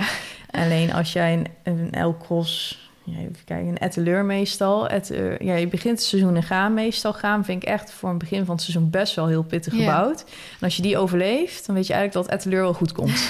dus zo weet je eigenlijk door jarenlange ervaring wat makkelijk gebouwd is, normaal gebouwd, Ja. moeilijk gebouwd. Ja. Jongens, de laatste vraag komt vanuit mij. Maartje heeft hem wel zelf verzonnen. Ehm, heb jij voor mij, of eventueel natuurlijk een ander die zich hierin kan vinden, die net een jong paard heeft gekocht ehm, en ook daar graag eventing mee wil doen? En wat ik zeg, als ik B misschien Elder kom, ben ik echt al helemaal gelukkig. Ehm, maar ja, heb je daar tips voor? Ja. ja, ik zou zeggen gewoon vooral geen druk opleggen bij jezelf. Le- lekker aanklungelen, lekker veel oefenen. Zorg eerst gewoon dat die dressuurbasis goed op orde is. Dat je eerst gewoon een B-rondje kan springen, zodat je wat speling hebt. En gewoon lekker eh, rustig aandoen. En ook al denk je van, nou, deze voorbereiding was perfect, we kunnen dit. niet balen als het niet goed gaat. Want met mij en Manny ook. Hadden we drie crosslessen gedaan. Hij deed supergoed. En toen waren we in de eerste oefencross op hindernis 2 gestrand. Omdat hij gewoon alles om zich heen zo spannend vond. En ik dacht echt, nou, die voorbereiding, dat is, kan niet. Ja. Dus ben, doe het gewoon rustig aan. Al sta je het eerste half jaar stil. Geen Ja. druk opleggen. Ja. Niet te veel doelen stellen van ik moet daar naartoe. Ja, ja met mijn, mijn planning, zover ik die eventueel heb. Ik werk inderdaad meestal ook niet met planning en ik zie wel waar we Ja. komen. Ook omdat het geregeld gebeurt dat die paarden een week stilstaan omdat ik heel druk ben. Ehm, is deze winter hem doorrijden met dressuur. En dan hopelijk, want ik, hij, ja, hij liep vorige week echt super fijn. En toen bleek hij dus nog een restant wolfskies in zijn mond te hebben. Dus toen liep hij weer niet meer fijn. Dus Ja. ik ga hem morgen pas weer voor het eerst rijden. Ehm, dus de planning is als het even door gewoon weer goed blijft gaan op die stijgerlijn die we hadden, eh, deze winter betere zuur starten. En ik heb ook inderdaad pas, wij gaan eh, eind januari, begin februari pas mijn uh, springzadel aanmeten. Dus ik heb die ook pas waarschijnlijk in april, mei Ja. of zo. Dus heel veel eerder dan dat springen kan niet. Ja, ik had wel met Wesley de afspraak, want die heeft natuurlijk een tijdje gereden. Hij Ja. heeft gewoon van die zadels die op elk paard liggen. Dus hij had wel gezegd, vrienden, als jij nog eh, wil springen tussendoor zonder dat je eigen zadel hebt, dan eh, mag je die van mij wel lenen. Als in, niet dat ik hem even bij hem kom ophalen Ja. en hier leen, maar dan ga ik met Daar Nacho naartoe, daar naartoe. ja. En dan kan ik daar wel eh, onder begeleiding van hem Ja. natuurlijk springen. Dus wellicht gaan we dat gewoon een, een keer tussendoor doen. Maar ik, ik had hem dus van de week meegenomen naar Snorrewind. En dan vond hij dat best wel spannend. En we ook eventjes gelongeerd om die spanning eruit te krijgen en zo. En dan denk ik inderdaad wel van... oh, wat zou het heerlijk zijn om inderdaad eerst je dressuur heel goed voor Ja. elkaar te krijgen. Dat als hij iets spannend vindt, dan kan je maar gewoon doorheen dressuren. En als jij... Ik moet er nog niet over nadenken om met hem op zo'n crosshindernis Nee. af te rijden. Maar dan denk ik, ja... ehm, ik moet inderdaad eerst gewoon met hem over hindernissen heen gaan. Dat ik gewoon met Ja. vertrouwen over Ja. een hindernis heen ga. Dan durf ik ook wel met vertrouwen over zo'n Ja. crosshindernis heen te Ja, gaan. en, en, en wat ik ook altijd zeg, ze moeten zichzelf ook gewoon kunnen redden. Hmm. En als jij gewoon al van tevoren een B-parcours gewoon foutloos kan springen, dat is 1 meter. Nou, een cross is maximaal 80 Ja. centimeter. Dan heb je al 20 Ja. centimeter. Want iedereen maakt fouten, ook in de afstanden. Ik ook. Je mag tegenwoordig met eh winstpunt in de 90 centimeter mag je Oh een ja, dat klopt, ja. Dat klopt, ja. ja. ja. Want bijvoorbeeld een Manny, weet ik nu al, die, die nu met springen eh, raakt hij soms nog in de knoop met zijn benen. Dus dan wil ik Mhm. niet over een dikke boomstam van 1 meter. Ja. Dus pas als het echt B gewoon soepel gaat, dan ga ik pas echt B Ja, want aan de ene kant zeggen ze die crosshindernissen, dat is veel natuurlijker voor ze Ja. dan zo'n. Maar ja, ze geven niet mee. nee. En een balk wel. Ja. Tenminste, de meeste. Ja. nee, dus je moet gewoon speling hebben. Je moet gewoon eerst dressuur op orde, dan springen op orde en dan, dan komt de cross ook wel goed. En heb je nog bepaalde tips over want bijvoorbeeld iemand die hoog in de eventing rijdt? Die had mij de tip gegeven en dat zij dat met haar paarden doet, dan moet ze natuurlijk gewoon, eh, als dat voor haar werkt, dan moet ze Mhm. dat zeker doen. Maar had ze mij de tip gegeven om in mijn eentje met Nacho buitenrit te gaan en dan eventueel bijvoorbeeld de eerste paar keer iemand op de fiets erbij. eh, en ehm, ik denk echt, ik wil nog niet dood. dus eh, kijk, weet je, met Mar ga ik ook in mijn eentje op buitenrit. Dus Ja. er zal een moment komen dat ik genoeg vertrouwen in ons heb... dat we op een gegeven moment in Ja. ons eentje op buitenrit gaan. Maar dat is gewoon nu nog niet. Terwijl zij bijvoorbeeld zei... ik zou zo snel mogelijk in je eentje gaan... want nu kleeft die te veel aan Marley... en hij kleeft Ja. te veel aan de kudde. En straks in de cross moet hij het ook alleen doen. Ja. Maar ja, ik weet niet, misschien is dat soort van makkelijk praten... als je al weet ik veel hoeveel paarden op een bepaald niveau hebt uitgebracht. Maar ik Ja. ben nog nooit officieel eventing gestart. Nee. Dus ik ben al blij als we daar ooit misschien kunnen komen. Ja. Maar ik denk echt, ik wil nog niet dood. Ik ga nog niet met een paard een beetje op buitenrit. Nee, je moet gewoon doen waar je zelf prettig bij voelt. Als je zegt, dat durf ik niet, nou, dan doe je het alsjeblieft niet. Ja. Want als, als Natje aan jou merkt dat jij buitenrijden spannend vindt... ja, dan weet je al dat je hem gaat verpesten op buitenrit... want dan Ja. vindt hij alles spannend. Ja. Maar ik kan die tip zeker wel begrijpen. Want als je paard alleen maar gewend is om in een kudde te zijn... ja, en als hij in één keer in zijn eentje weg moet galopperen... dan weet je gewoon, dat gaat hem niet worden. Nee. Maar dan zou ik eerst gewoon lekker veel op buiten rijden. Gewoon wat waar jij je prettig bij voelt. Want je paard voelt je zo goed aan. En pas als jij het aandurft om alleen op buitenrit te gaan, Ja. doe dat dan. ja, eerst gewoon even kilometers. eh, Ja, en, en misschien kleeft hij dan wat meer. Ja, snap ik. Alleen ja, dan doe je er een half jaar langer over om rond te komen. Ja. Ja, misschien niet wat je wil, maar... eh, Hij is niet het eerste paard die moeite heeft om bij de start weg nee, te gaan. Precies, precies. Zelfs Marley die gaat het op een gegeven moment begrijpen. Komt goed, komt goed. We zijn een uur en 24 minuten verder. Ja. Ehm, ik wil je heel erg bedanken dat je hierheen wilde komen. Dat je jouw Graag verhaal gedaan. wilde doen. En dat je de laatste gast van dit seizoen wilde zijn. Nogmaals, op zich, er komt gewoon over twee weken volgens mij nog een gast online hoor. Maar dat hoort officieel niet meer in dit seizoen. Ik hoop dat mensen het leuk vonden om naar jou te luisteren. Naar je verhaal te luisteren. Even al de inspiratie uit hebben gehaald. Of het gewoon eh, als vermaak zagen. Dat kan natuurlijk ook. Ehm, wat kunnen mensen van jou komende tijd nog verwachten? En waar kunnen ze jou volgen natuurlijk? Eh, ze kunnen mij volgen op Instagram, eventing-harley. En de komende tijd, eh, wat kunnen ze van mij verwachten? Ja, qua eventing, eh, leuke wedstrijdbeelden niet zoveel, want het eh, hele seizoen ligt stil. Maar vooral wat dressuur, gewoon eigenlijk hoe ik de winter doorkom met trainen. Ik doe heel veel trainingsfilmpjes plaatsen, wedstrijdfilmpjes. En Ja. ik vind gewoon, ik heb ook altijd een GoPro op met crossen. En zet, de filmpjes zet ik ook altijd op YouTube. Alleen, volgens mij ben ik degene echt van de helft van de views. eh, ja, de, de helft van de views is bij wijze van spreken van mij. Ik ben Dus altijd de de- eerste view. ik vind dat zo leuk om dan ook vanaf dat niveau te zien, want dat zie je niet zo vaak. Nee. Niet veel mensen en zeker niet... Bijvoorbeeld een Christie heeft ook wel eens wat op... maar die laat dan bijvoorbeeld maar hele kleine stukjes Ja. zien. En jij laat natuurlijk alles, gewoon Ja. heel het parcours zien. Dat vind ik Ja. altijd wel vet. Ja, dus zelf kom ik de winter gewoon door met heel veel terug, eh, met, ja, crossfilmpjes terugkijken. En zo nu en dan eh, deel ik wat ook. Dus eh, Maar even om een klein beetje in het thema te blijven. Want ik heb het afgelopen podcast eh, wat gehad over wat eh, negativiteit die ik kreeg... naar aanleiding wat, wat trainingsvideo's met Nacho. Ehm, en daar reageerde ik op van... Nou ja, dat is een heel lang verhaal kort... maar weet je hoeveel mensen op Instagram niet meer trainingsfilmpjes of wedstrijdfilmpjes durven te delen omdat ze bang zijn voor kritiek. Ja. En jij deelt er wel heel veel. Ja. Heb je ook wel eens met kritiek te maken gehad? Ja, maar ik moet wel afkloppen. Het valt geluk, ja, het valt nog mee, omdat ik wel als ik zo'n filmpje deel waarvan ik weet van, ja, dit is misschien niet helemaal perfect, dan probeer ik er wel altijd meteen bij te zetten van, hé hey jongens, ik weet het, we zijn aan het oefenen, we zijn aan het leren. Bijvoorbeeld afgelopen weekend ook, we springen nog maar net set en twee hindernissen, hindernis twee en drie stuurde ik gewoon niet goed. Dus bij hindernis drie ging er half doorheen. En dan zit ik natuurlijk ook te twijfelen van, ja, ga ik dit delen? Maar ik heb bewust wel gedeeld, omdat ik denk, ja, eigenlijk, het gaat al zo goed bij ons, het gaat te goed. Ik wil ook wel laten zien dat ook wij, en dan met name ik, ook ik fouten maak. Dus ik probeer mezelf wel echt altijd toe te zetten, gewoon eerlijk zijn, gewoon delen, ook al gaat het een keer niet goed. En eh, ja, negativiteit, die heb je altijd. Er zijn Ja. altijd wel mensen die er iets van vinden. Ja, ja en, en nu zal een groep mensen vinden dat je je niet hoeft te verantwoorden. Dus dat je dat er niet bij hoeft te zeggen. Maar ik zal Ja. het zeggen, doe het maar gewoon wel. Ja. Want ik heb zelf ook echt wel... Ik plaats geen foto's met open monden. En dat gebeurt gelukkig nauwelijks tijdens een training. Maar ik plaats ze gewoon al niet... omdat ik geen zin heb Ja. op commentaar erop. En anders als ik een keer wel iets plaats... dan zet ik er ook altijd nog eventjes bij... dit gebeurde er, of om deze Ja. reden, we, we trainen Ja. ervoor, bladibla. Doe het maar gewoon wel. Want het, het, het bespaart je gewoon een hoop commentaar. Precies. En ook al is, ook andersom, hè. Af en toe eh, zie ik ook echt wel eens iets op Instagram voorbij komen... dat ik denk, nou, ik had het niet geplaatst. Ja. En dan staat er ook inderdaad helemaal niks qua context bij. Ja. Alleen maar van, oh, kijk hoe goed hij het doet. Denk, nou, als jij dit goed noemt. Ja.